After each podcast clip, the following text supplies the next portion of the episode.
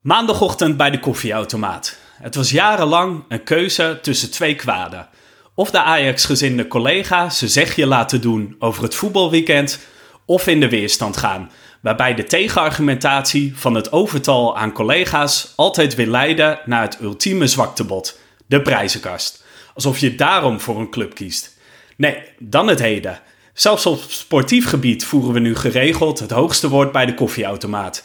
En het is in alle kringen inmiddels bonton om naar een zet te gaan. Zelfs de eindbaas van de allergrootste kwaliteitskrant van Nederland steekt niet onder stoelen of banken dat hij tweewekelijks het AVA-stadion bezoekt. Wat gebeurt?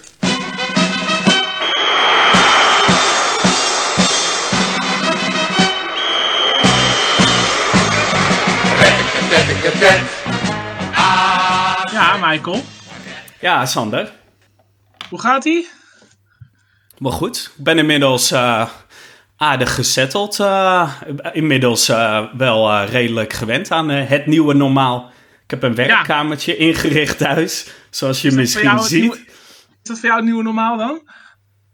Nou, ik hoop niet dat het permanent is. Maar ehm, in ieder geval, ja, wat ik al eerder zei, het is een beetje een privilege dat je gewoon rustig door kan gaan met je leven. Maar ehm, ik heb weinig moeite met de huidige situatie. Mis natuurlijk wel de echt leuke dingen in het leven, zoals bijvoorbeeld naar een zet gaan, een festival pakken. Echt zit gewoon. Jij, zit jij in het kamp van eh, ik, red me wel? Of meer in het kamp van ik wil nu naar een festival toe? Nee, ik red me wel. Nee, ik, ik vind ook altijd bij dit soort dingen eh, moet je ook bewust zijn van het feit dat dat soort ja, uitspattingen. eh, het geeft kleur aan het leven, maar gezondheid is het belangrijkste.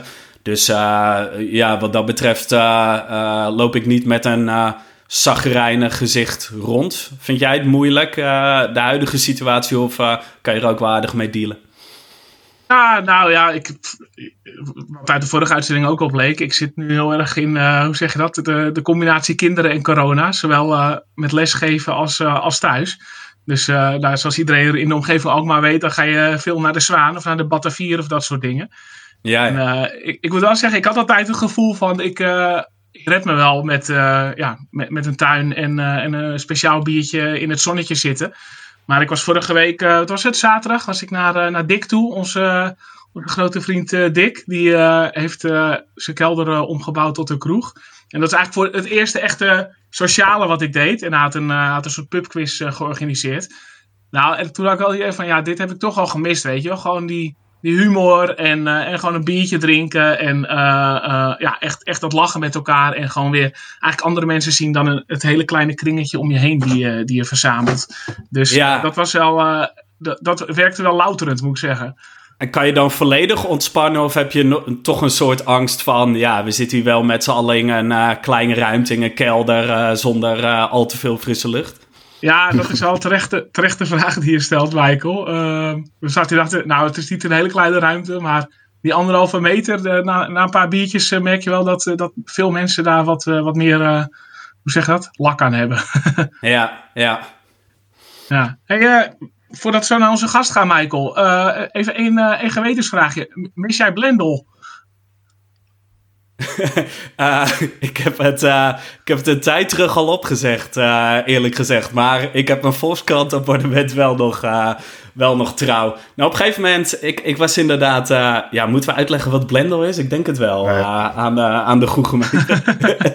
ja, Blendel is zo'n ja, online dienst... waarbij je door alle kranten en tijdschriften van Nederland... en ook uit het buitenland kunt bladeren... en artikelen kunt lezen... En eh, daar betaal je dan zo'n 10 à 15 cent per artikel voor. Maar je had ook eh, destijds de mogelijkheid dat je gewoon een titel, een krant kon aanschaffen. Zoals je dat voorheen ook bij de kiosk zou doen.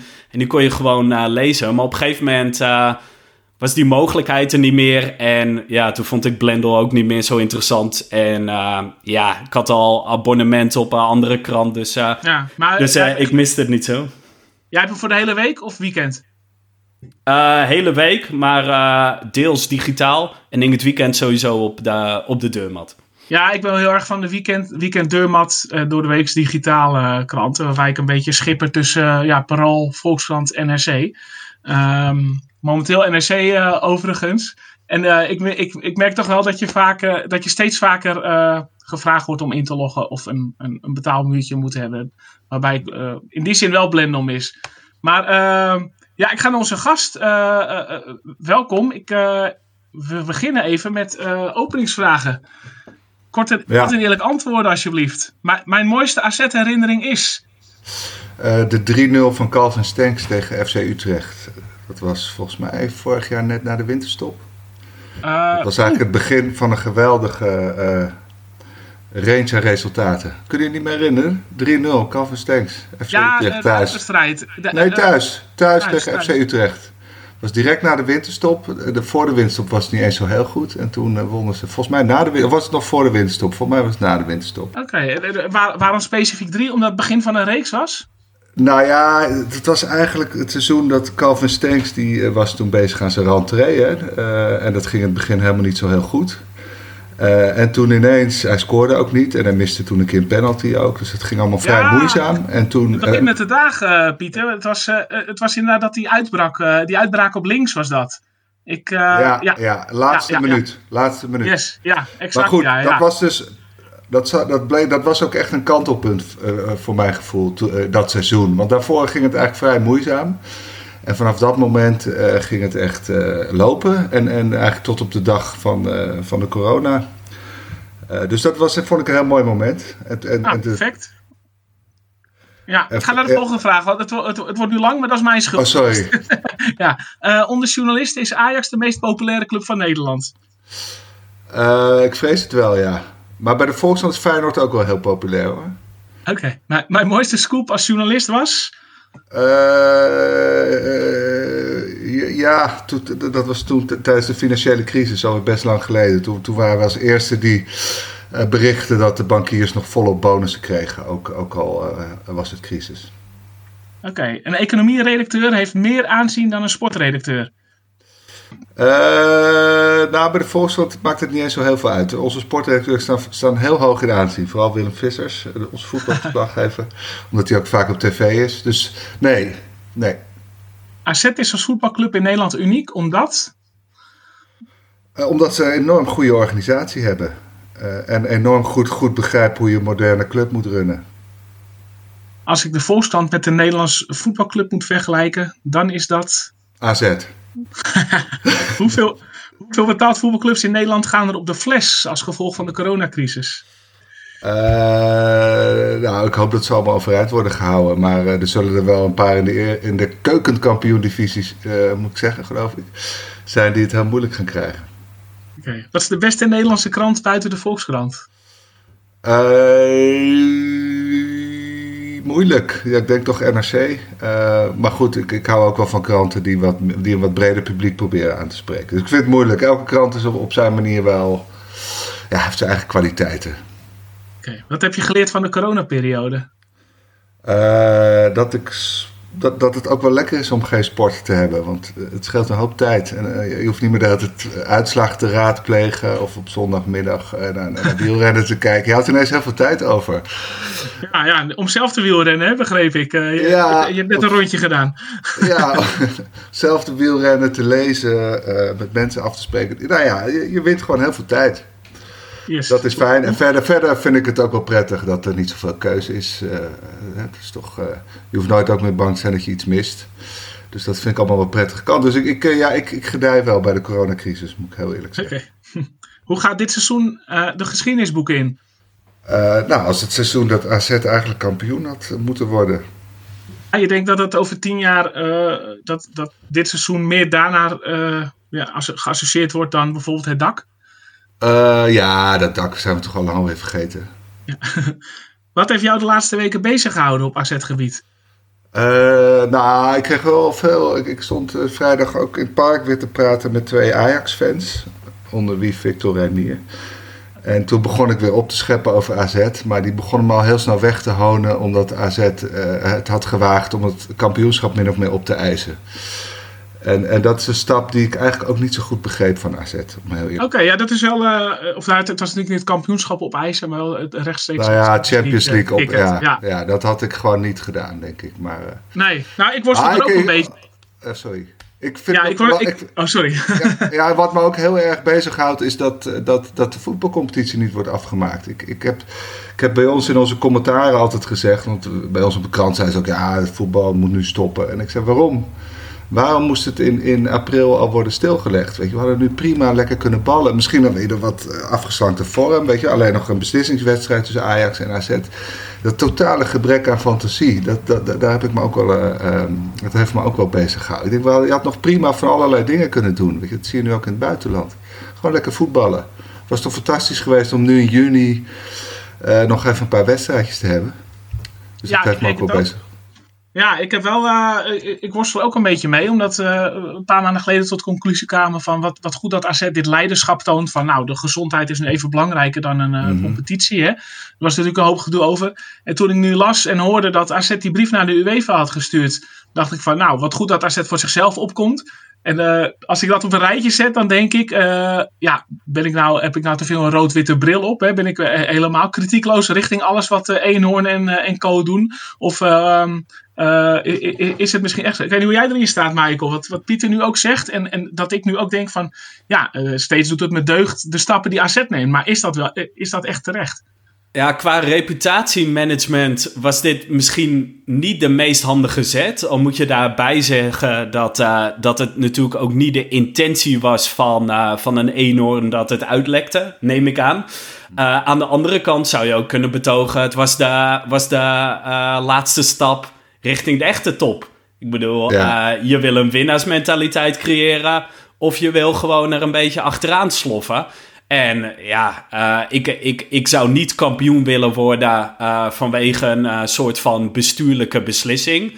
Maar ik vind het wel een mentaliteit die mij hoop geeft. Die, waarvan ik denk van, nou, dit, dit misten we misschien nog een beetje bij AZ. Het is natuurlijk... ehm, wij balen na een weer verloren, verloren bekerfinale. Maar dit is eigenlijk voor het eerst dat je ziet van... Nee, we willen echt meedoen om het hoogste. We leggen ons niet neer bij... Nou ja, we hebben een mooi seizoen gedraaid. We hebben prachtig voetbal laten zien. We hebben het publiek vermaakt. En eh, iedereen is positief over AZ. Nee, dat laatste stapje... Ja, dat wil AZ misschien ook maken. En ja, wat dat betreft vond ik het wel een eh, hoopgevend, hoopgevend signaal. En ik denk ook eh, dat iedereen dit over, over een paar weken. Ik weet niet of er nog een uitspraak ook over wordt gedaan. Maar over een paar weken alweer vergeten is. Dus eh, Nou, het zat Ja. Victor Renier nog door dwars dus, begrijp ik.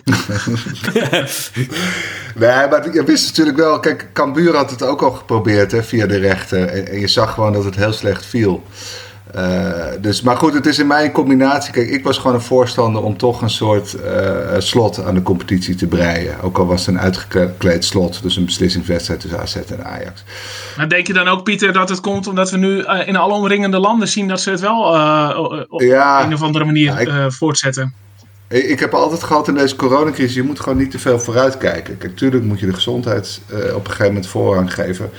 Maar het was zo onvoorspelbaar en we weten nog zo weinig. Dus ik, heb altijd gedacht, waarom zou je vooruitkijken? Dus het heeft mij vooral verbaasd dat ze een beslissing namen voor over twee maanden. Sterker nog, tot 1 september hebben ze gezegd, geen voetbal. Dat heb ik nooit zo goed begrepen. Ik, ik had gewoon gedacht van, nou, nu niet jongens, maar laten we gewoon goed kijken. En straks kijken wat er mogelijk is. En dan had je een logisch slot aan de competitie. Want Cambuur heeft natuurlijk ook gelijk. Weet je wel. Die hadden ja ook gewoon promotie verdiend, denk ik. Alleen, eh, ja, het valt gewoon heel slecht. Dus die enorme goede reputatie die AZ had. eh, nou ja, ik had denk ik toch de reputatie ietsje zwaarder laten wegen. Ja, Maar ja, altijd is- is achteraf- het echt- het is altijd makkelijk oordelen. Het slecht, ja, het is slecht vallen. Ik heb er nooit zo moeite mee hoor. Eh, eh, ja, als eh, Jantje of Pietje uit Utrecht of Amsterdam en dan een hekel heeft aan AZ, dan vind ik niet zo erg. Maar ik, alleen ik, maar weet, goed. ik kan ook niet zo goed, ja, ik kan ook niet zo goed inschatten hoe dat zeg maar, bij dat objectievere voetballiefhebber zou vallen. Ik ben even voor de administratie. Ik, ik heb je nog helemaal niet echt welkom geheten. Welkom. Oh, sorry. Ja. Ja, ja, we Ja, waren al met inleidende beschietingen bezig. Welkom, Ik heb veel opvattingen. Ja. Ja, hoofdredacteur van de Volkskrant. Eh, en eh, ja, nou, stel jezelf eens voor in het kort. Eh, verliefd, verloofd, getrouwd? Eh, getrouwd ben ik. Ik heb drie kinderen. Ik woon nu nog in Elpendam. Ik verhuis binnenkort wel weer naar Amsterdam. Dus, eh dus notabene eh, tegenover eh, de plek waar Louis van, van Gaal is geboren. Eh, vlakbij de oude locatie van de Meer. Dus nou ja, het zal nog eh, heel moeilijk worden om mijn AZ eh, hard te, houden.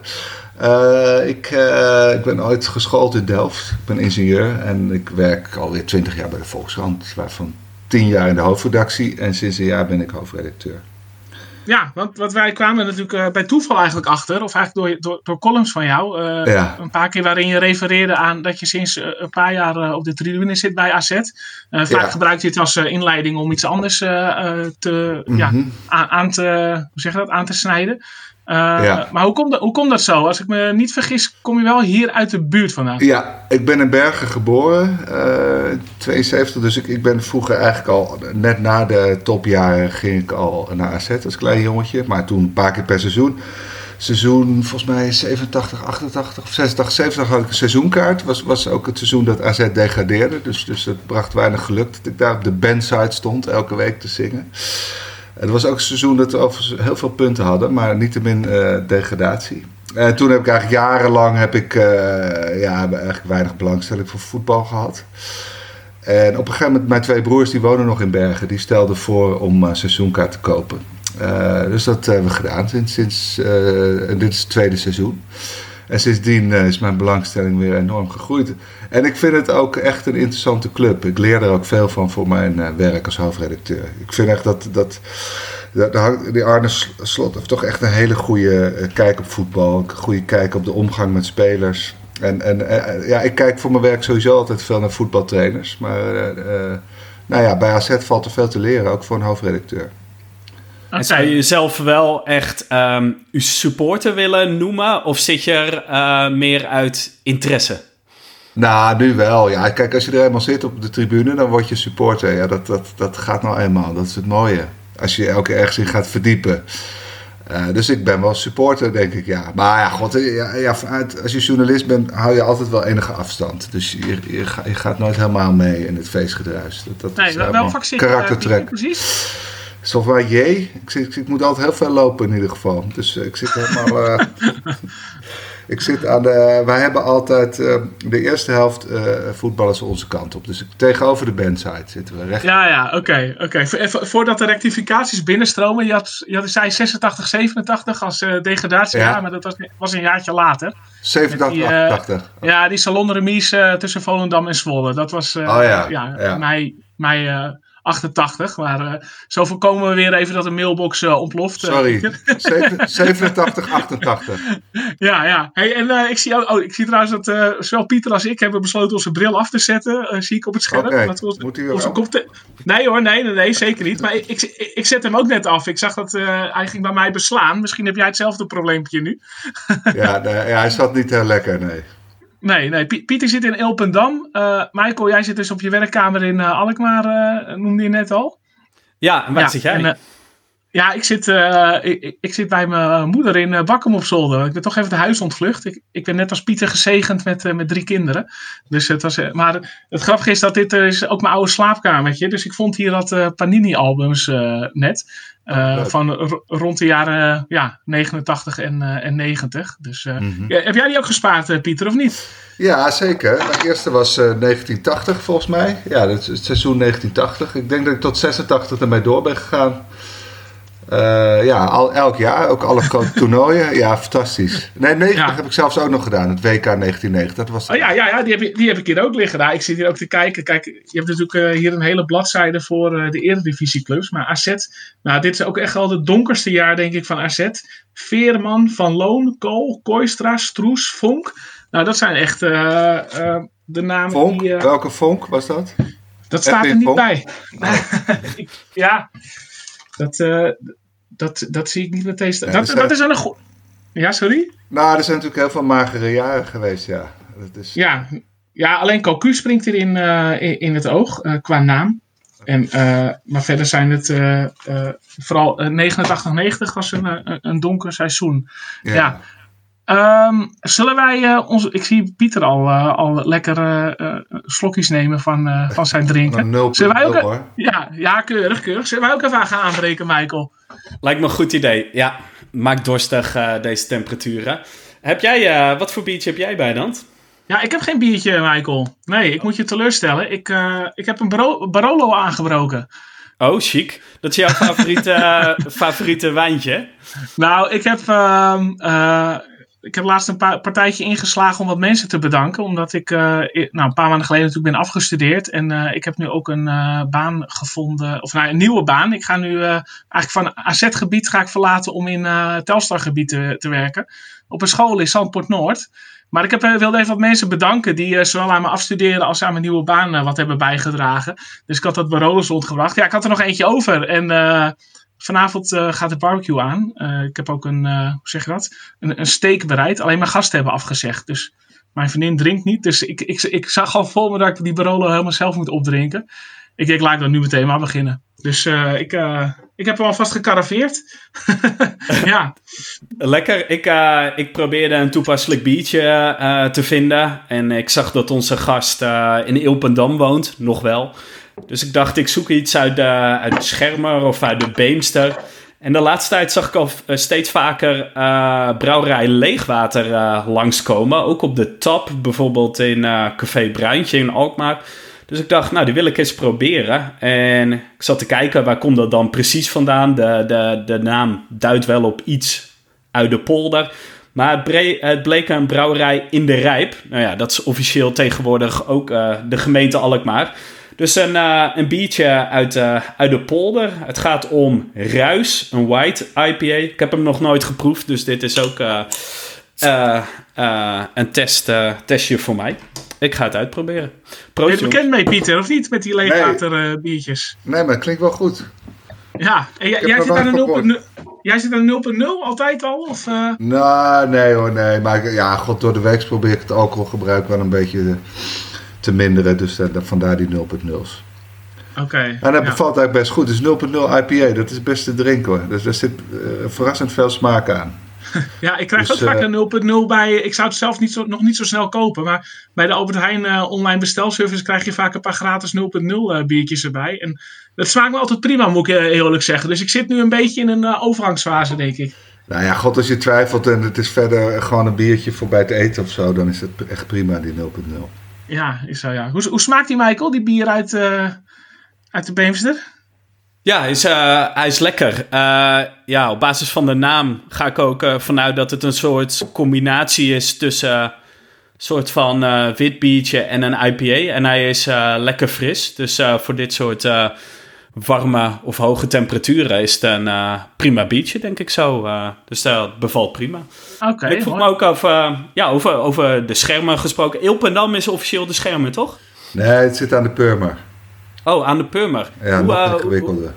Is, dat, is dat Ajax-territorium of zijn er meer AZ-sports in die regio? Nee, dat is overwegend Ajax, ja zijn niet ja, zeker bij Purmerend in de buurt. Ja, ja, ja, dat is allemaal voormalig Amsterdam natuurlijk. Het zijn allemaal oud-Amsterdammers die daar wonen. Dus het is echt wel Ajax-gebied. Dus ik ja. kan, kan, geen vlaggen voor het raam hangen nee. jij bent, uh, jij bent uh, naar AZ gegaan, nou, deels vanwege je broer, zoals je beschreef. Maar je zei ook, uh, ja, ik vind AZ een heel interessante club momenteel wat er gaande is. En ik kijk sowieso veel naar voetbal of naar sport. Ja. Omdat het voor mijn werk relevant is. Uh, hoe bedoel je dat? Nou ja, een krant moet je elke dag opnieuw maken. Hè? Dus hoe goed de krant is, hangt heel erg af van een soort vorm van de dag. Het is eigenlijk heel erg te vergelijken met voetbal. Het is ook heel ongrijpbaar waar, waarom je de ene dag een hele goede krant maakt en de andere dag niet. En eigenlijk net zo ongrijpbaar als bij voetbal. Dus de manier waarop je mensen aanstuurt, of althans, daar geloof ik ja, dan kun je heel erg laten inspireren door, door voetbalcoaches. Dus daar kijk ik ook naar. En uh, ja, types als Zinedine Zidane die, of, of Jurgen Klopp. En ik lees dan graag over hoe die dat doen. Hoe, hoe zorgen die ervoor dat ze spelers uh, op hun top presteren. En, dus dat vind ik interessant. En, en dat, dat vind ik bij AZ ook interessant. En eigenlijk alles wat Arne Slot daarover zegt.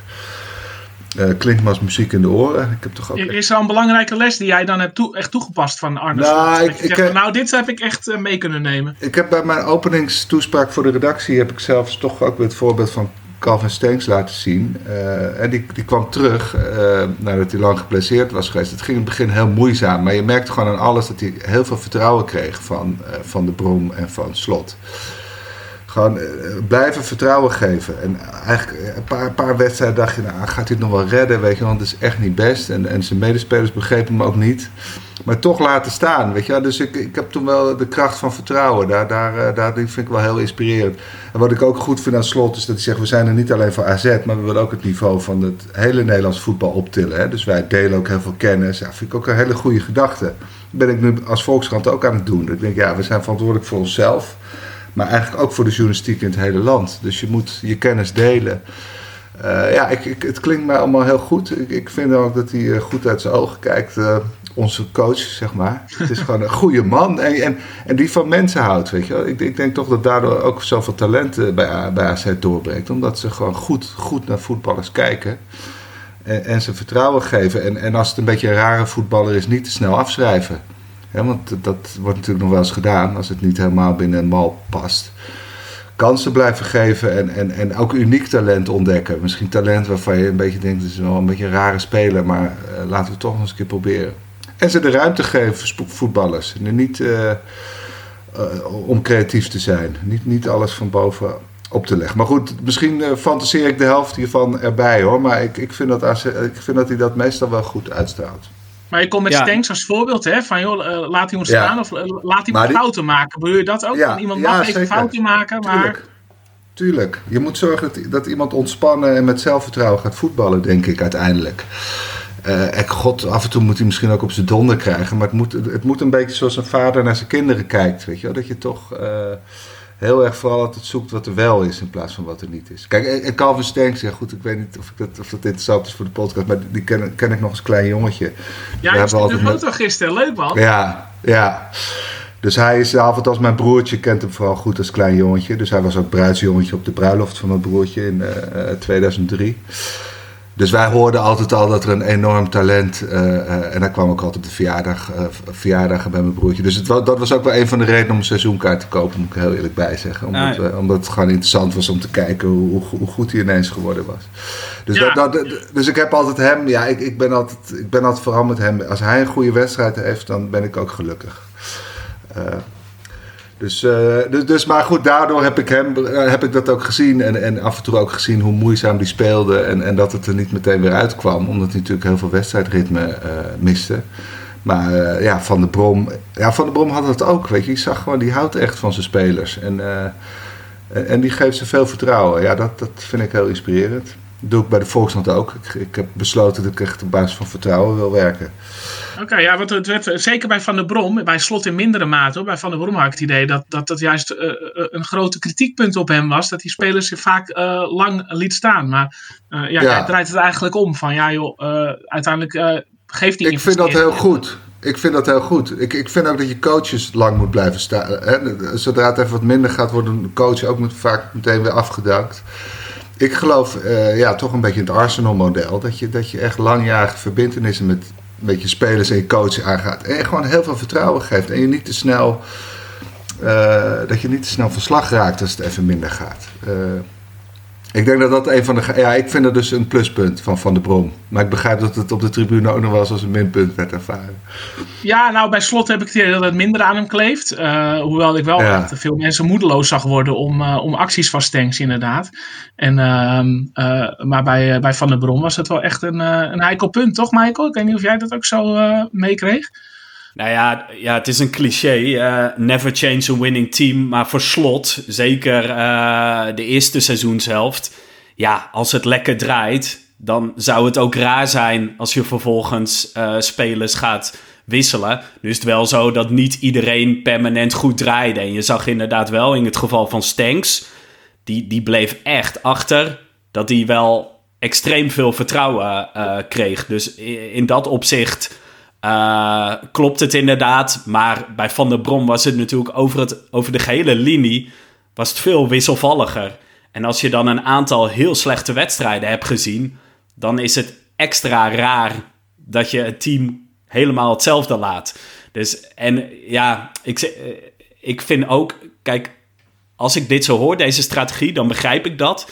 Maar ik denk ook, het moet wel zeg maar een beginpunt zijn. En wat is dan het eindpunt, ook in de journalistiek? Uh, beginpunt snap ik vertrouwen geven, want uiteindelijk moet er iets opbloeien. Maar soms zie ik niet helemaal helder wat dan het eindpunt is. Bijvoorbeeld in, uh, in voetbal kan je uiteindelijk kijken naar nou, hoeveel assists heeft uh, Stenks opgeleverd, hoeveel doelpunten zijn er gescoord, hoeveel goede bases. Maar als je die vergelijking met journalistiek wil maken, hoe, hoe, hoe meet je dan uiteindelijk het succes dat het heeft opgeleverd? Nou ja, ik lees continu de stukken natuurlijk van iedereen. En daar voel je wel heel goed of ze de goede energie hebben en of ze creatief zijn. Dus je kunt vrij goed zien of iemand in vorm is. Ja, en als iemand niet in vorm is, moet je goed gaan kijken waar het probleem zit. En, en, en dan moet je niet te snel beslissen, dat vind ik althans, om hem uh, reserve te zetten. Dan moet je gewoon, misschien zag Van de Brom heel goed van... hé, hey, ik zie dat het probleem is gebrek aan wedstrijdritme... En, en ik moet hem dus vooral wedstrijdritme blijven geven, weet je wel. Als je, dus je moet wel precies blijven kijken. Kijk, het gevaar van vertrouwen is dat je nonchalant wordt. Dat je denkt, uh, nou, ik vind deze elf nu eenmaal de beste en kan me niks schelen. ik trek me nergens wat van aan. Dus je moet wel heel goed blijven kijken. Het is een beetje wat Louis van Gaal natuurlijk ook altijd zei. Je moet naar de totale mens. Dus je moet, je moet, als iemand niet goed speelt, moet je kijken waar gaat het mis. Uh, en en, en, en dus, dus je moet heel precies kijken. En, en dan ook kijken hoe je eventueel blokkades weg kunt halen en, en uh, hoe je iemand kunt helpen. Uh, maar ja, meteen daarnaast zetten, dat zal in sommige gevallen werken. Er kunnen ook heel veel voetballers zijn die je daarmee prikkelt, die dat nodig hebben. Die, dat je denkt van, die wordt steeds luier of zo. Weet je wel, vroeger Wesley Sneijder of zo. Dan zeg je, ik zet hem even een tijdje op de bank, want dat, dat is goed voor hem. Dus ik zeg niet dat je het nooit moet doen. Maar je moet vooral, denk ik, als coach heel goed kijken uh, ja, waar, waar het aan, aan, scheelt bij een speler. En ja, volgens mij had hij bij Steens besloten, die moet gewoon blijven voetballen. En dan komt het vanzelf wel goed. Want dit, ja, en uiteindelijk denk ik toch dat hij wel gelijk daarin heeft gekregen. Want als hij dat niet had gedaan, had, denk ik niet dat hij ooit het Nederlands elftal had gehaald. Ja, misschien nee. plukt Slot dit seizoen daar snel de vruchten van. Dat Van de Bron ja. uh, het in vorig seizoen zo, uh, zo, zo stug volhield, zeg maar, ja. uh, met, met Kelvin. Dat, ja. Ja, want jij, jij stuurde dus een fotootje van, jou, uh, van je nichtjes, hè, zei je toch, uh, Pieter, met, uh, met Calvin Steens? Ja, het zijn twee, twee nichtjes met, op de slee met Calvin Steens. Ja, ja. ja oh, wacht, dat was leuk. ja. Ja, want je gaf al aan, dat is een beetje de reden nu om, om dan een seizoenkaart te nemen samen met je broers. Want ja, ja. wij, hoe zeg dat, we stonden wel eventjes met onze wenkbrauwen te, te fronsen. waarom kiest iemand er twee jaar geleden voor om een seizoenkaart te nemen in, in zeg maar, ja, jouw leeftijd? Uh, vaak, vaak ontstaat toch zoiets eerder, maar bij jou was het dus al eerder ontstaan, uh, uh, ja. begreep ik uit je openingsverhaal. Ik heb ook twee zoons hè, in de voetbalminnende leeftijd. Dus, neem je die vaak mee? Ja, die neem ik altijd mee. Oh, hoe oud zijn je kinderen? De oudste is 15 en, en dan een meisje van 14 en een jongetje van 11 nog. Dus ik neem dan, ja, heel, heel traditioneel, ik neem de jongens mee.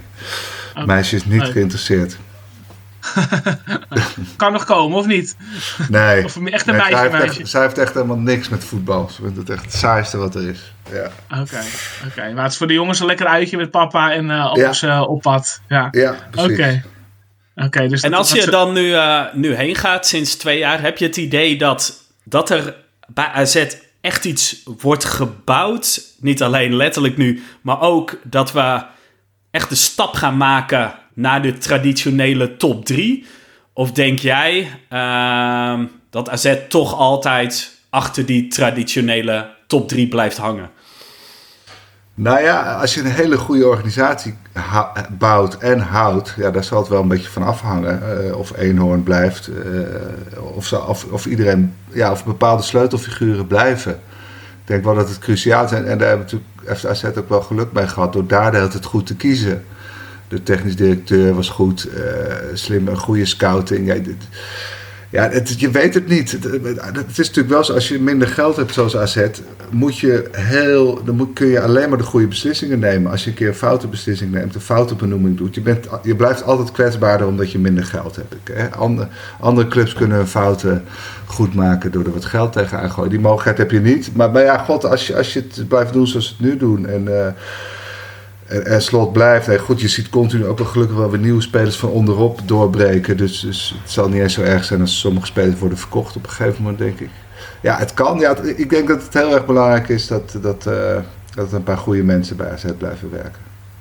Ja, maar dacht, hebben we heel vaak ook gedacht van ja, joh, als, de, als, als Gerbrands weggaat, als Brands weggaat, als, uh, nou ja, als weggaat, En steeds leek dat weer opgevangen te worden. Dus wat jij net zegt, Pieter, ja, ze kiezen steeds weer voor de juiste mensen op een of andere manier. Uh, nu dus met Eenhoorn en Huiberts, wat een geweldige tandem is. Nou, Slot ja. lijkt een goede keuze te zijn. Ja. Dan is dat wel toch uh, inderdaad iets structureels, ergens daarboven. Wat, maar zijn dat de commissaris of zo? Weten jullie wat daarboven zit? Waar een soort hele wijze man of vrouw zit die dit, dit, dit, beslissingen neemt?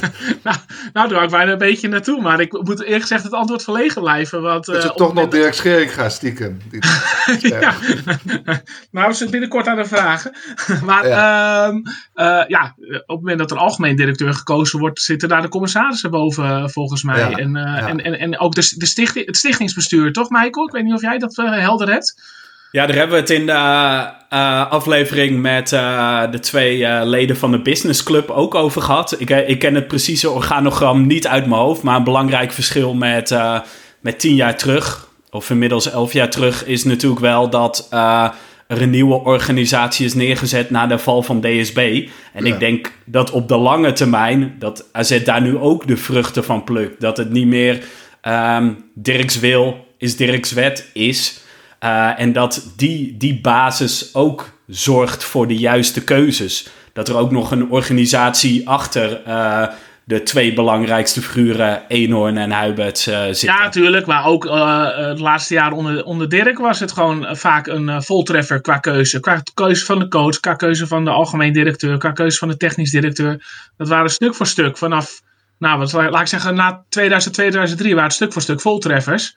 Uh, ja, waar weinig op af te dingen viel. Dus ergens waren, waren ze al goed bezig met, uh, met die keuzes maken. Zou het ook nog iets te maken kunnen hebben met het West-Friese karakter? Ik, ik, zit altijd naast een hele leuke man die altijd heel redelijk is en goed kijkt. Dus misschien, ja, misschien zit het ook wel een beetje in de cultuur. Gewoon een, ja, dat is mijn paradepaard. Een club die, niet, die zich niet zo snel het hoofd op hol laat brengen die, die, die, die, goed nadenkt. Uh, dus misschien is het ook nog een culturele component. Dat, dat ja, ik mocht dat niet meer van Sander oh, zeggen. Oh, ik heb daar wel een paar keer aan. Onder andere bij spelers, bij Marco Bizot. Uh, ja. dat is natuurlijk een heel stabiele factor. Ja, Hij komt heel dedicated over, echte West-Fries. En ja, dan, dan vraag ik me ook af, die cultuur waarin je bent opgegroeid... draagt dat misschien bij aan die focus? Ja, aan de nou, andere kant die broertjes ja, de Boer, dat zijn ook AZ'ers eigenlijk. Die broertjes de Boer hebben dat ook, dat hele Van nuchtere...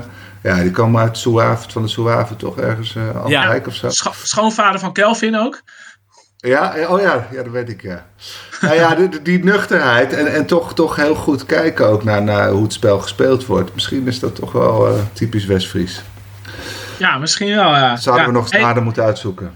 Nou ja, we, we wilden er ook een beetje naartoe met jou. Want uh, kijk, jij kijkt natuurlijk zelf al een beetje met een journalistiek oog uh, naar AZ. Um, mm-hmm. Ja, ik, ik, vraag me altijd af, hoe mediageniek is AZ? We hebben nu, kijk, we hebben nu een hele nieuwsluwe periode, normaal gesproken. In feite staat het al maanden stil. Als ik nou de krant, hè, ik ging even het archief van het Ons Dagblad bekijken. Wat hebben die geschreven? Ja, dat is of corona en nog of het dak. En een klein beetje, ja, wat keepers die getransfereerd worden. Uh, Maar waar zit het mediagenieke van AZ in? Want we hebben toch... We, we, we, kijken, we zien dat misschien ook wel te weinig. Wat jij net uh, noemde ja. over slot, slot, dat hij heel inspirerend is. Uh, we doen het gewoon qua prestaties heel goed. Maar toch gaat die 17.000 raakt nooit vol. Zelfs nadat een 0-3 winnen bij Ajax zit het de weken na niet vol. En dat vind ik... ja, nou, ik, het is mij wel opgevallen dat er vrij weinig emotie op de tribune is. ja.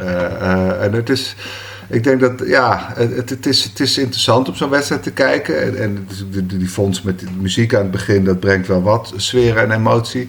Maar verder, het, het publiek aan zich vind ik vrij onderkoeld. Het is niet uh, nou, zoals een avondje nak of zo. Of, uh, dat, dat de emoties door, door het stadion kolken. En ik denk voor de aantreks van een, aantrekkingskracht van een club is dat toch ook wel van belang. Weet je, het legioen van Feyenoord. Uh, gewoon de, de emoties die het legioen laat zien. Het, het, legioen bij AZ is, is toch, ja, tenminste van een afstandje, is vrij, uh, maakt een onderkoelde indruk. En dat, en ja, dat is maar moet je dat dan willen veranderen? Ik bedoel, daar, daar wordt echt uh, hard aan gewerkt. Maar stel dat we over twee jaar ook een kolkend uh, stadion hebben. Ja, ja, is, dat, ja. is, dat dan alle, is dat dan het karakter van de club al? Nee, want dan krijg je misschien wel alle nadelen ook. Dat meteen om het hoofd van de coach wordt geëist als het wat minder gaat. Dus het heeft ook nadelen, een kolkend stadion. Ja, dus ik weet het niet. Maar ik denk dat het wel... Uh, dus AZ moet het nu vooral hebben van, denk ik, een aantrekkelijke coach... die toch een beetje de nieuwe Louis van Gaal wordt... Uh, als de nieuwe Louis van Gaal wordt zien. En, en, en sommige spelers. En, en de jeugdopleiding is natuurlijk wel echt heel aantrekkelijk. Dat er continu spelers eh, doorbreken. Uh, dat, dat vind ik wel. Dat, dat, maakt de club wel een feest om uh, te volgen.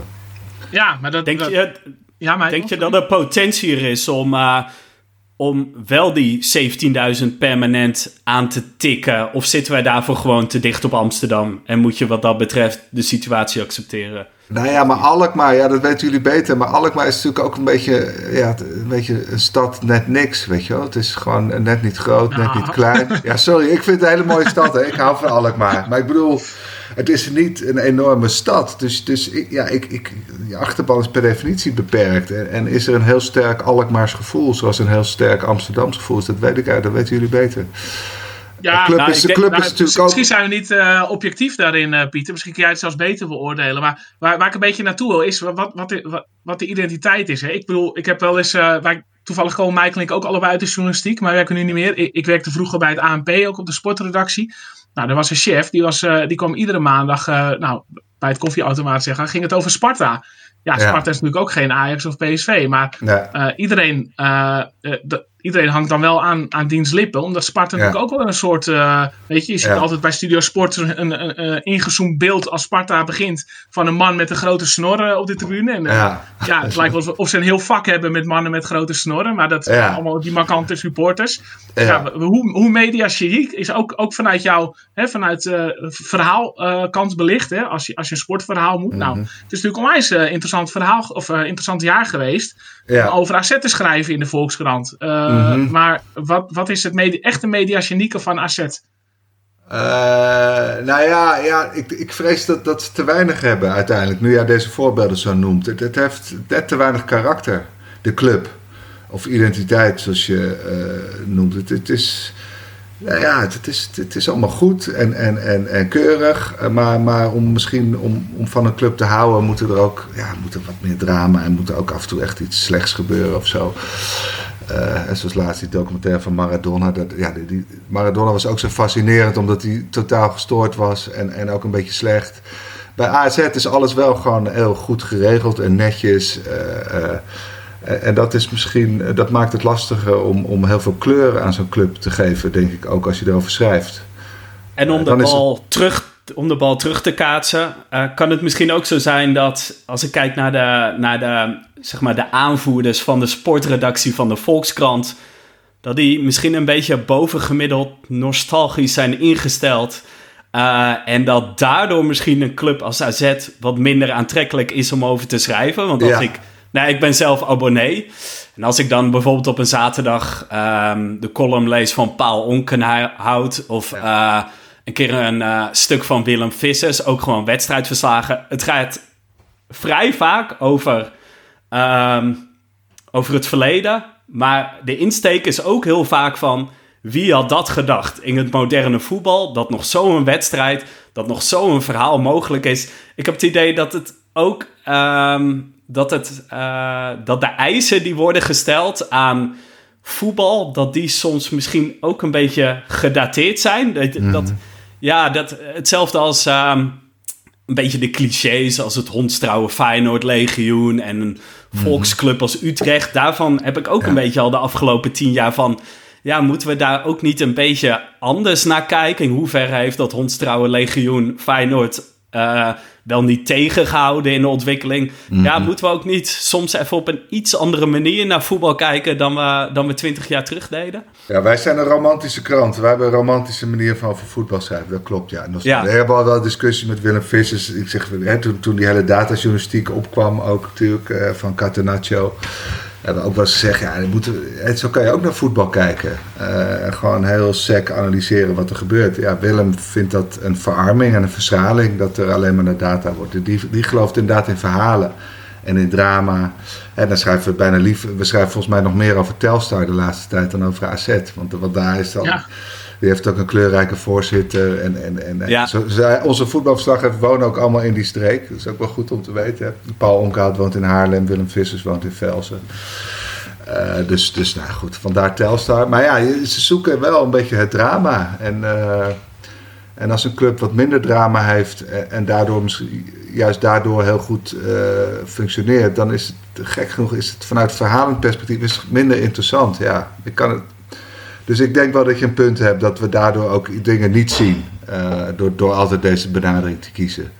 Uh, maar goed, wij, onze lezers zijn ook hopeloos romantisch en hebben hopeloos romantische sportopvattingen. Dus, Ja, dat vroeg ik me af, want bij AZ heb je het publiek dat deels ook bepaalt hoe de stemming is. Als iedereen van de brom zat is, elke seizoen kunt houden, dan kan je dat als uh, bestuur eigenlijk niet meer negeren. Ja. Uh, in hoeverre uh, drijven jullie op de reacties van lezers? Zou, zou, zou jij, zeg maar, als, als, als coach van de redactie ehm, het roer omgooien als er veel brieven komen van, nou, die columns, daar zijn we nu al klaar mee? Ja, nou, het is altijd moeilijk, het is altijd moeilijk om te, kijken, een klacht voor hoeveel mensen die staat. Je moet natuurlijk ook oppassen dat de klagers niet de krant bepalen. Dus de mensen die tijd hebben om je dat te bestoken met allerlei. FC Twente supporters zijn vrij fanatiek in het bestoken van de Volkskrant. Dus zodra er geen verslag is uh, meegenomen, de maandagkrant, dan melden ze zich. Uh, dus ja, daar trekt de sportredactie zich natuurlijk altijd wel wat van aan. Maar het is heel moeilijk om, om voor al die 500.000 lezers in te schatten wat die nou precies willen. Dus misschien moeten we, we, we enquêteren wel steeds vaker onze lezers. Dus misschien moeten we eens vragen wat ze op sportterrein meer zouden willen lezen. De AZ-fans zijn waarschijnlijk vrij passief als er geen AZ in staat. Ja, tuurlijk. Ja, volgens mij. die melden zich nooit, behalve ik. Dus. ja, ja, precies. Dus, ja. Kijk, kijk je dan, als jij, laat jij op zondag al je werk vallen als je een AZ-verhaal ziet binnenkomen? Of uh, is dat... Nee hoor, nee, nee, nee. Nee, ik probeer me wel dingen waar ik, waar ik zelf te veel van vind, daar bemoei ik me niet, zo, niet mee. Nee. Dat, ja, dan, dan, dan kan je de verdenking op je laden dat je je eigen club uh, aan het bevoordelen bent in de krant. Dus. Ja, ik kan me voorstellen dat je dan denkt, je kijkt er wel met extra interesse naar misschien als, uh, ja. als dat binnenkomt, zonder dat je meteen uh, er uh, ja. je plasje over gaat doen. Nee, maar, tuurlijk, tuurlijk. Maar goed, volgens mij hebben wij afgelopen jaar, ja, ik denk één op de twee weekenden schrijven over AZ zo'n beetje, hoop ik. Of dan. Ja, dat gaat wel lekker wat dat betreft, ja. ja. Heb, jij, heb jij een seizoenkaart al verlengd, Pieter? Uh, ja, mijn, mijn broers regelen het allemaal. Ja. Dus ja, ook een beetje een bijdrage te leveren natuurlijk aan het overleven van de club. Dus uh, ja, dus ook voor de gouden variant gekozen. Is dat de gouden uh, variant? Ja, de, de, de, de, zeg maar, je kon kiezen tussen een uh, hele. dat je ze per definitie steunt. of dat je je geld terugkrijgt als er straks nog niet gevoetbald wordt. Ja, voor mij de, die eerste. Jij ook, Michael? Ja, ik heb hem ook verlengd. En ja, dat is iets wat ik toch ook wel graag wil benoemen. Um, dat is net ook naar voren gekomen. Uh, AZ-supporters hebben toch wel vaak uh, ja, een beetje het imago, uh, een beetje duf. misschien ook niet zo hondstrouw als bijvoorbeeld het Feyenoord-legioen. Aan de andere kant, als je naar de cijfers nu kijkt... na Ajax, Feyenoord, PSV en Twente... zijn er op dit moment bij AZ... Uh, de meeste seizoenkaarten verlengd. Ja, en jij noemde ook over het percentage. Dus zeg maar de percentage die voor de loyaliteitsversie uh, kiest.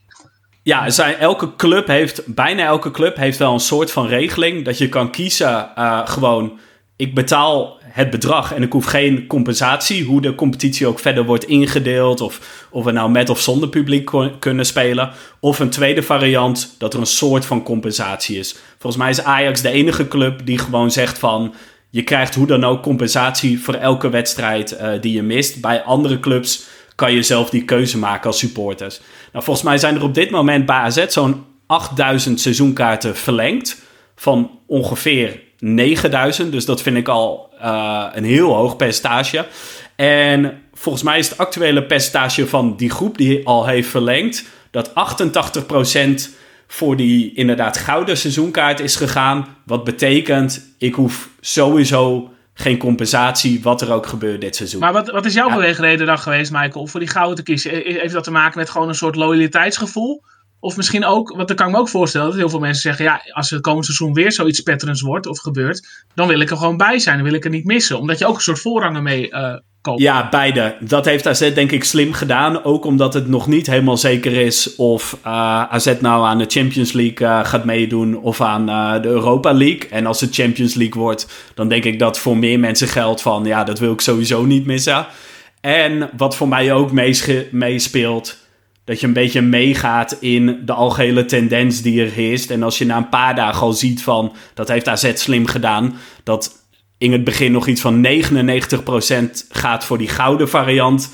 Dan denk je van, ja, ik wil niet die 1% zijn uh, die op zijn centen zit. Dus dan doe je ook maar die uh, gouden variant. Dat speelt ook wel een rol. Voor welke dat was, dat was mijn beweegreden, ja, inderdaad, ja. ja. Ja, dat heeft AZ slim gedaan, denk ik, qua communicatie. Ik vond het ook vanuit marketingperspectief uh, een prima campagne. Precies juiste moment rond vakantiegeld voor de meesten. En ja, het heeft zijn vruchten ja. afgeworpen. Maar wat ik wil zeggen, als je kijkt naar andere clubs... Um, bijvoorbeeld een Feyenoord... dan zie je dat maar zo'n, wat was het, 30% voor die optie heeft gekozen... ik wil geen compensatie. Dus ja, dat, dat vind ik wel interessant om te zien. Dat er wel misschien iets aan het verschuiven is. Dat, dat wil, wil jij dat, Pieter, uh, wil jij dat even doorgeven aan, uh, aan je sportredactie? Dat het bij Feyenoord helemaal niet zo uh, ja, ontrouw is allemaal. het legioen bestaat helemaal niet, ja. Nee, nee, precies, nee. nou, ja, Is, dit nou, is dit nou ook, hè, want wat Pieter heeft natuurlijk een behoorlijk economische achtergrond. Um, hoe, ik, ik vind dat lastig in te schatten. Wij, wij denken altijd van, oh, AZ heeft zijn financieel zijn zaakjes op orde. Die hebben een paar megatransfers gemaakt. Nou, Eenhoorn laat nu al weten van, ja, dat dak, alles is er wel verzekerd. Maar het is toch gewoon een financiële strop voor ons. Mm. Nou, dan komt dit als financiële strop. Uh, hoe, hoe, hoe, hoe, schat jij dat in, Pieter? Dat je aan de ene kant natuurlijk dat, die enorme reserves hebben. Maar die zijn natuurlijk misschien al ergens aan toegeschreven. Aan jeugdopleidingen, aan andere investeringen.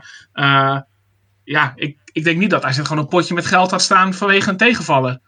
Nee, ja, ik, ik, ik vind dat de overheid uh, alle tegenvallers op moet vangen. En, en, en, maar goed, dus dat is... Ook bij... hierin, gewoon ook voor de betaald voetbal. Ja, ja, want dit is zo'n rare crisis waar niemand iets aan kan doen, weet je. Kijk, ik ben helemaal niet voor overheidssteun voor voetbalclubs als ze het er zelf naar hebben gemaakt. Maar dit is gewoon totale uh, freak accident, totale overmacht. Dus ik, ik vind gewoon, je moet het eh, je kan het, en de overheid kan gewoon geld drukken. Hè? Dus, dus het is allemaal vrij simpel oplosbaar. Maar, maar hoe kijk jij dan naar het feit dat uh, spelers, nu ook bij AZ, hè, kwam een paar dagen geleden naar buiten, die gaan ook wat ja. inleveren ja. uh, aan salaris. Uh, vind je dat een logische stap? Of zeg je van nou, eigenlijk gaat de overheid hier dit al voor moeten zijn? Nou, ik vind dat wel een logische stap. Ik, ik vind op het moment dat je op overheidssteun een beroep doet, dan moet je van, van al te exorbitante salarissen moet je even verlagen. Er leidt ook niemand schade, weet je wel. Dus, dus dat, dat vind ik een, een terecht offer. Uh, maar verder, de jeugdopleiding, dat moet natuurlijk allemaal gewoon overeind blijven. Dus, dus alles wat structureel is, dat moet je overeind houden. Met overheidssteun desnoods. Uh, zodat je ook geen structurele schade aan het voetbal uh, aanricht. Maar, maar dat, je, dat je even tijdelijk omlaag gaat met, met, met de hoogste salaris, dat, dat is natuurlijk alleen maar verstandig. Ja, maar nou, de KNVB heeft natuurlijk een plan in, uh, ingediend of aangevraagd ja. bij de overheid. Ja, ik kan me voorstellen. Kijk, wij zijn natuurlijk al een beetje geïnformeerd uh, dat uh, het draagvlak, hè, zeg maar de, de, de, niet-voetballiefhebber, dat hij inderdaad met zijn ogen gaat rollen als hij dat leest. Ja, maar dat zie je ook bij KLM. Ik, ja, ik, ik, ik, het is economie, hè. ik kan er heel veel over zeggen. Ik vind het een beetje een valse voorstelling van zaken. Uh, want kijk, normaal is, is, gaat de overheid steunen als iemand ergens een potje van heeft gemaakt. En dan kan je zeggen, luister, hier willen we niet voor betalen. Maar hier heeft niemand een potje ergens van gemaakt. Dit is gewoon pure pech. En dat geldt bij KLM, dat geldt bij voetbalclubs. Dus je moet oppassen dat je dan uh, uh, niet zegt van ja, maar, maar, jullie krijgen niks. Want jullie hebben de afgelopen jaren niet goed gedra gedragen. Ik vind dat niet fair.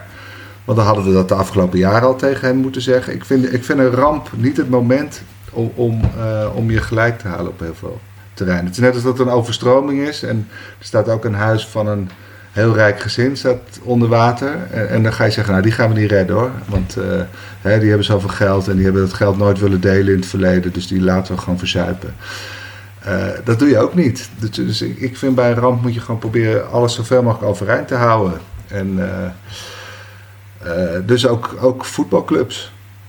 Maar het gaat wel om solidariteit, toch? Want ik, ik vind dat signaal van de AZ-spelers eigenlijk mm -hmm. wel noodzakelijk. Want ik denk dat het niet zo kan zijn dat van de seizoenkaarthouders, nou in ieder geval wordt gevraagd om een offer te brengen. Van wij zouden mm -hmm. het heel erg waarderen als je je seizoenkaart verlengt zonder compensatie, wat er mm -hmm. ook gebeurt. Ja. En dat vervolgens uh, de spelers, dat voor hun helemaal niks verandert. Uh, het moet nu, natuurlijk niet omgedraaid worden. Dat de zwakste schouders wat dat betreft het meest moeten opofferen. En dat is volgens mij ook een beetje het probleem rond die discussie uh, met KLM. Dat ja. het kan niet zo zijn. Aan de ene kant staatssteun en aan de andere kant een bonus voor de directeur. Nee. Het, uh, er moet wel een soort solidariteitsafspraak zijn.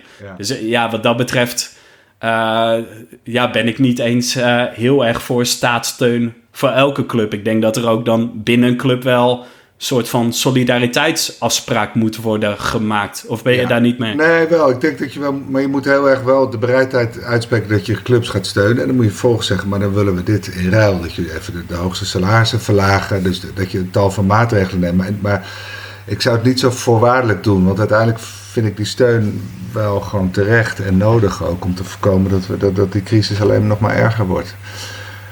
En dat is gewoon zonde, want dat is, dat is nergens voor nodig volgens mij.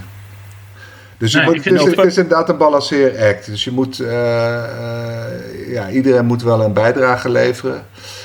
Uh, maar het moet er niet toe leiden dat, als, dat we sommige branches maar laten vallen. Of sommige clubs maar laten vallen. Of, of omdat we ja, denken van waarom zouden we ze helpen. Ja, ik heb wel zelf het idee dat twee, drie maanden geleden toen alles losbarstte, dat toen echt de solidariteit uh, tot in de hemel steeg. En dat nu, uh, nu het allemaal inklinkt, dat iedereen toch weer een beetje aan zijn eigen hachje gaat denken en zo. En uh, toch, ja, to, toch weer meer, ja, dat er ook weer rechtszaken gaan komen om dingen. Of dat mensen weer naar hun eigen portemonnee gaan kijken. Ik weet niet of jullie dat ook zo zien. Maar... Nou, ik zie het nog niet heel erg, maar dat is het grote gevaar. Kijk, als, als nu straks toch weer iedereen aan zichzelf gaat denken, dat, dan, wordt, dan wordt die economische crisis nog veel groter dan, dan, dan die nu al is. Dus ik hoop wel dat het een beetje overeind blijft, die solidariteitsgedachte. Ja, op zich. Dus nou, ja, proberen als, krant, als krant proberen we er ook wel eh, continu voor te blijven pleiten. En, en uh, nou ja, uh, ook om te voorkomen dat mensen inderdaad alleen nog maar aan hun eigen belang denken.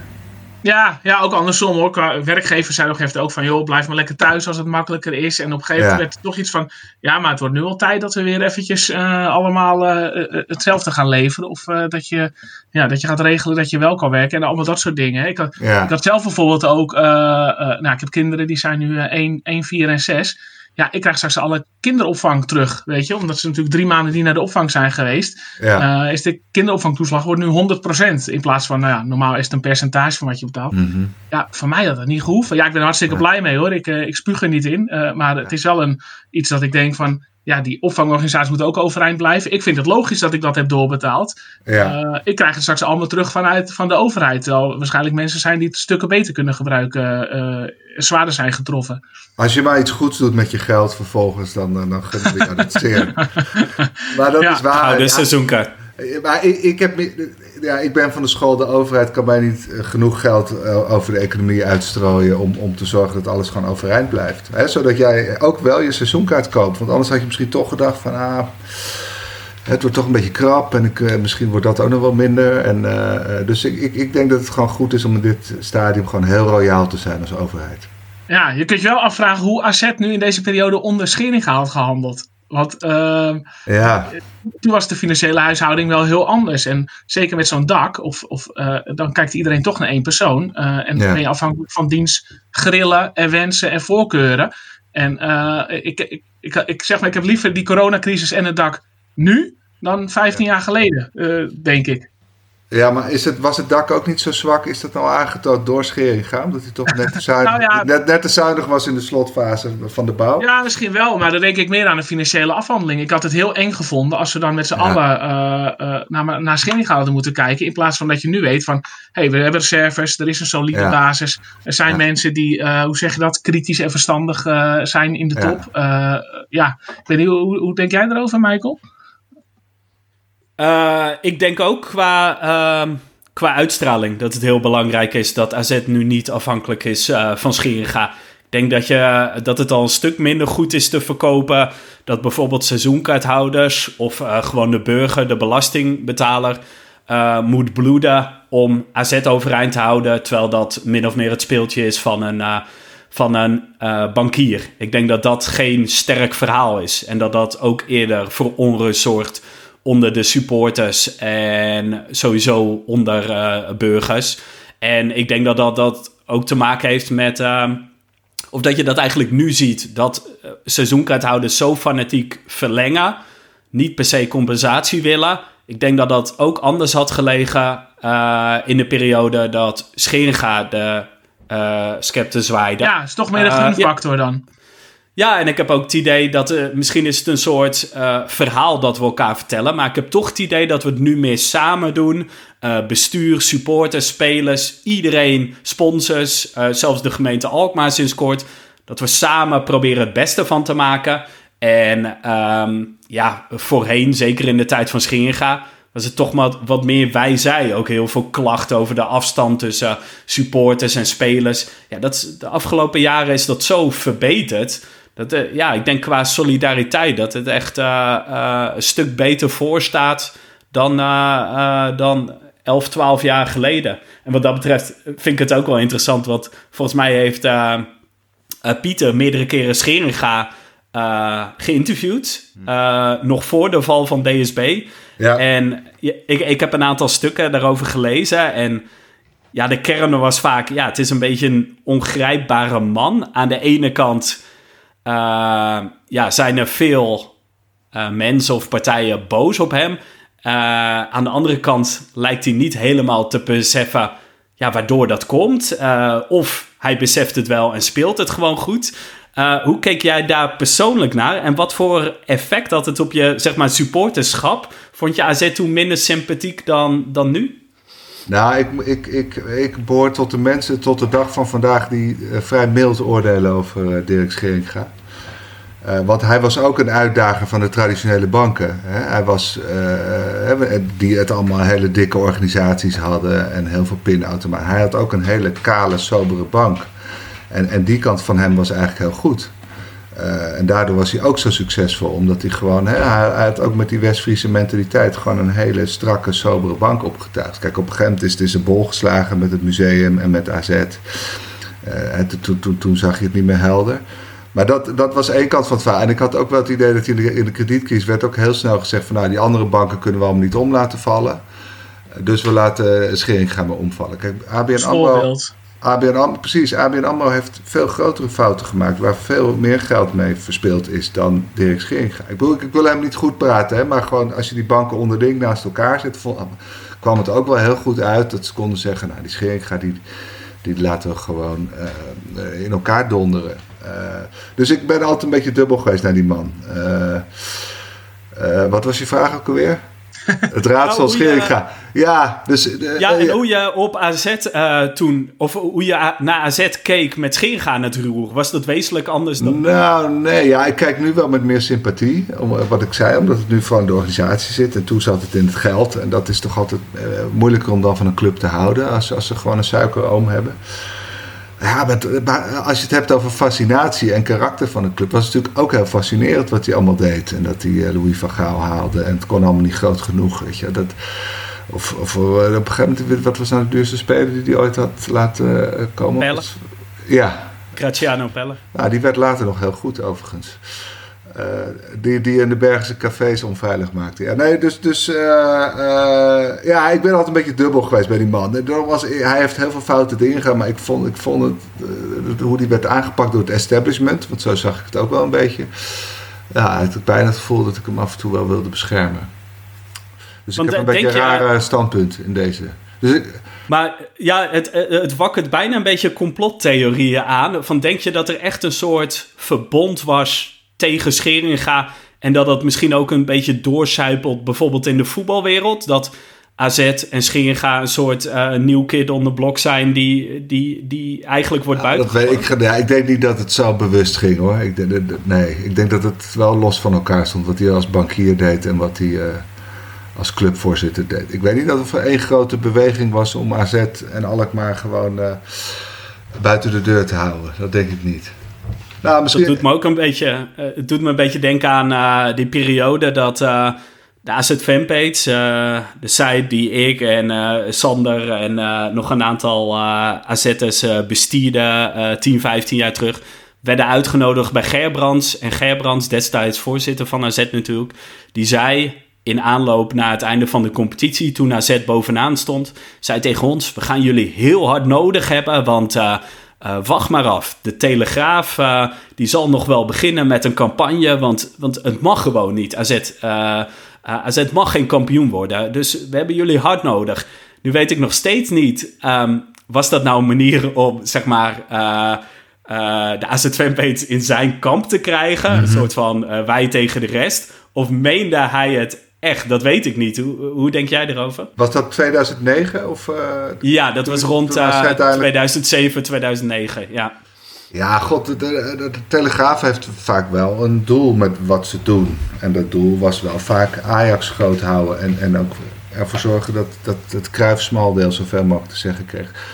Dus ja, dat, ja, ik, ik heb nooit bij de Telegraaf gewerkt, dus ik kan het niet inschatten. Maar die zijn wel natuurlijk altijd wat activistischer in een sportverslaggeving geweest. Dus uh, ik kan me best voorstellen dat ze AZ uh, kapot wilden schrijven. Nou goed, maar echt kapot schrijven, dat, dat doen we in Nederland niet. Dat, uh, zie je toch niet snel gebeuren. Maar goed, ja, dat, dat, kan wel zijn. Ik denk wel dat een soort negatieve sfeer tegen een club kan ontstaan. Ja, net zoals dat zij vorig jaar ook eindeloos tegen de Ajax-trainer schreven, weet je wel. Die, die moest van de Telegraaf gewoon weg. En eh, dat, dat, ik begrijp dat soort reflexen nooit zo goed. Want, want ik vind dat je als krant, dat je daar nooit schuldig, je moet nooit partij kiezen. Maar Telegraaf vindt dat wel spannend. Dus misschien hebben ze bij AZ toen ook gedaan. Dat ze dachten, gaan ze kapot schrijven. heb jij het ergens aan gemerkt, Michael, dan? Dat, je, dat dat bewaarheid werd? Ik bedoel, ze zeiden, we hebben de fanpage heel erg nodig. Maar, uh, nee, eerlijk gezegd niet. Sterker nog. Ik, ik denk uh, natuurlijk steeds aan, die, uh, aan de uitspraak van Lakenman richting Dirk. Dat was natuurlijk heel erg persoonlijk op die bank gericht. En dat was wel een duidelijk symptoom van. ja, inderdaad, die kleine bank kunnen we aanpakken, kunnen we als voorbeeld stellen, maar de grote banken niet. Maar verder heb ik niet dat AZ nou op een of andere manier dan kop van Jut was of zo. Of een Denk ik ook niet. En zo iemand als Lakenman had natuurlijk ook zijn eigen agenda. Dat moet je ook niet vergeten. Maar over het algemeen denk ik dat je als AZ-supporter eigenlijk blij mag zijn met het imago van de club. Want 9 van de 10 keer wordt er in uh, lovende woorden over AZ gesproken. Dat is, gesproken. Dat is ook met een reden. Maar ik ben ook... Ja.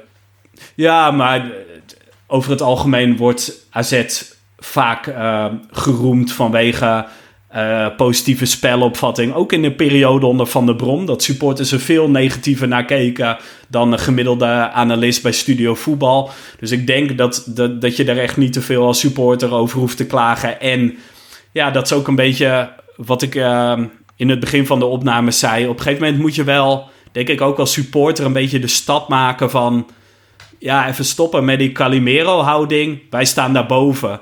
Um, uh, ik denk dat we, dat we niet te veel in dat soort complotten moeten geloven. En dat we echt die stap moeten proberen uh, zien te maken naar die top 3.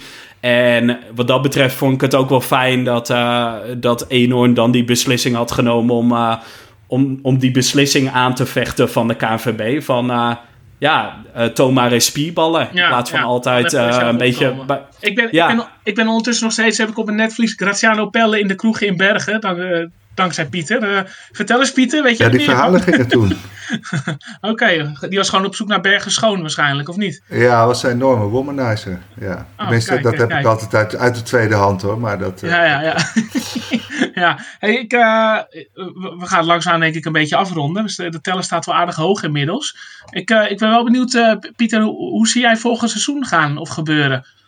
Ja, ik ben heel benieuwd wie er verkocht worden. Ik weet niet of, of daar al iets over bekend is. Of Ajax. Nou, ik, ik, las wel een interview met, ik las een interview met Huiberts dat het echt behoorlijk stil ligt. En dat eigenlijk alle clubs weinig durven te doen. En dat AZ zelf ook zegt van ja, we ondernemen gewoon geen actie. En eigenlijk is, nee. uh, zijn zeg, in de omringende landen of de grotere voetbalclubs, grotere voetballanden, ja, is het ook heel erg afhankelijk van hoeveel inkomsten ze ook missen nu. Uh, dat, ja, en hij verwacht eigenlijk dat het behoorlijk stil ligt. En als voorbeeld is natuurlijk het vertrek van Wuiters nu. Ja, dat gaan ze niet opvangen met een externe aankoop. Dat willen ze gewoon uh, binnenin opvangen. En ook niet met koopmijners, maar liever op een andere manier.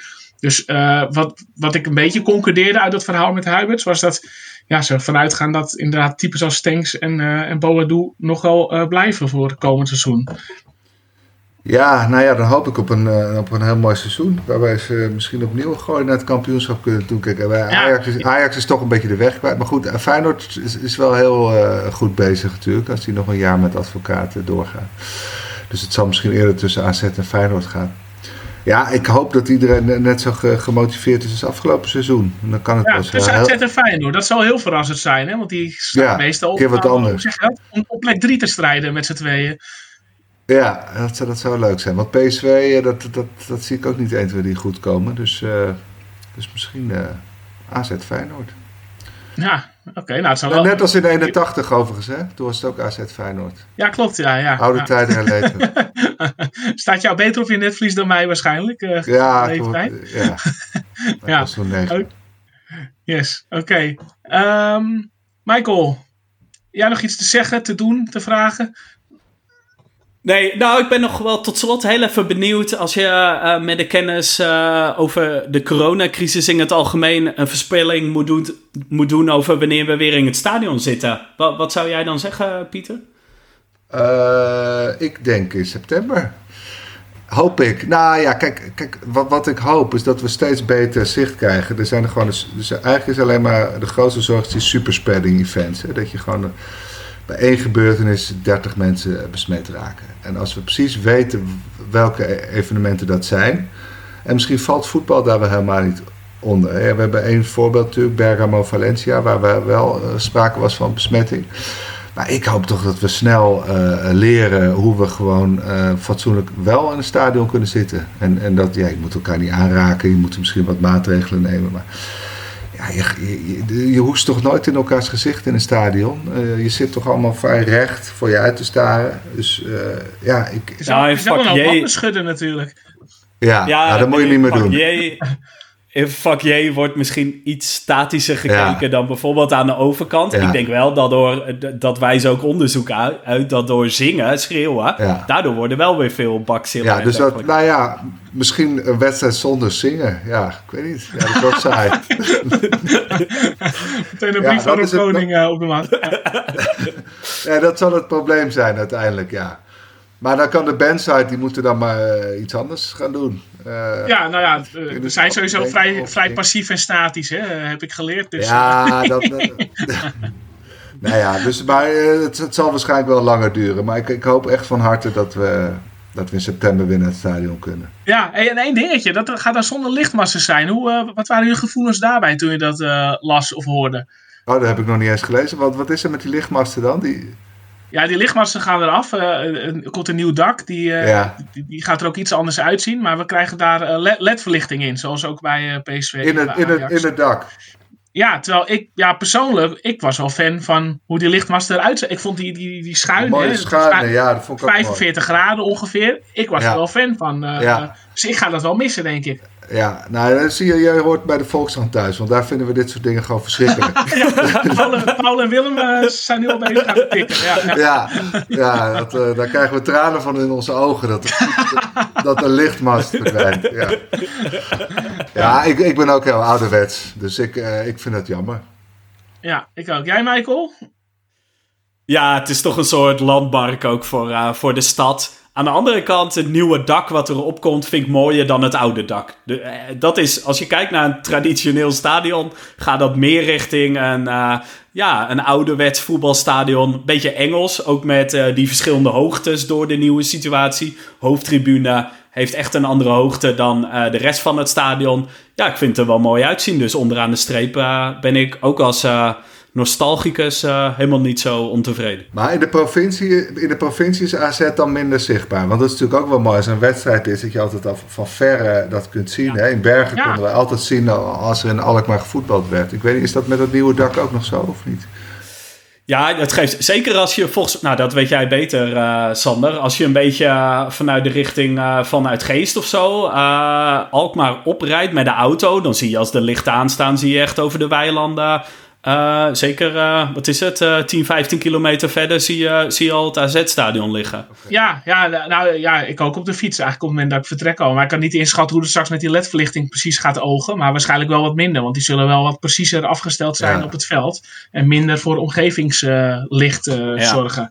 Ja, oké. Goed, Eh, hoe vond je het Pieter? Ik vond het heel leuk. Ik heb al Ja? geleerd over AZ. Ja, ja, ja. ja nee, ik vond het heel interessant. Dus eh, ik ga vaker naar jullie luisteren. Mooi, zweetdruppeltjes weg van je van je Ja, ik ben helemaal, ik ben helemaal opgedroogd. Ik eh, kan eindelijk Mooi gaan douchen. Ik kan eindelijk gaan douchen. Ja, oké. Michael, we- ja, we moeten Nou, nog wat bedanken, hè? Eh, sowieso eh, onze sponsor. Daar hebben we weliswaar eh, niet de biertjes van gekregen. Maar we hebben nog een tegoedje bij de bierwinkel in Alkmaar. Dat we voor volgende afleveringen gaan gebruiken. Dus dank aan de anonieme sponsor. De derde man, zoals wij die noemen. En nog een oproep aan de luisteraars. We zouden het waarderen om de podcast nog een beetje te boosten in bijvoorbeeld de iTunes Store. Om een review achter te laten over Podcast 67. Eh, dat kan via de podcast-app op je iPhone. Via andere apps kan dat nog niet. Nou, mocht je daar zin in hebben, eh, dan zijn we daar heel blij mee. Geef ons vijf sterren of, eh, of minder, mocht je kritisch zijn. Mag ook. Eh, volgens mij is dat het. Ik zou zeggen, ja, tot in eh, Ja, september ja. in Alkmaar. Ja, Marco, of eh, Pieter, we hebben altijd, eh, dat heeft Marco Bissot geïntroduceerd bij ons. We eindigen altijd met eh, tot in waar we elkaar zien. Dat dan Sittard, Enschede, Doetinchem zijn. Ja, Tot in Alkmaar zou het nu zijn. Of tot in september, moeten we dan maar zeggen. hè? ja tot, eh, ik, ik, ik reken Yes. erop. AZ Feyenoord. Oké, Hey, tot, tot in september. Tot op zitten. Dag.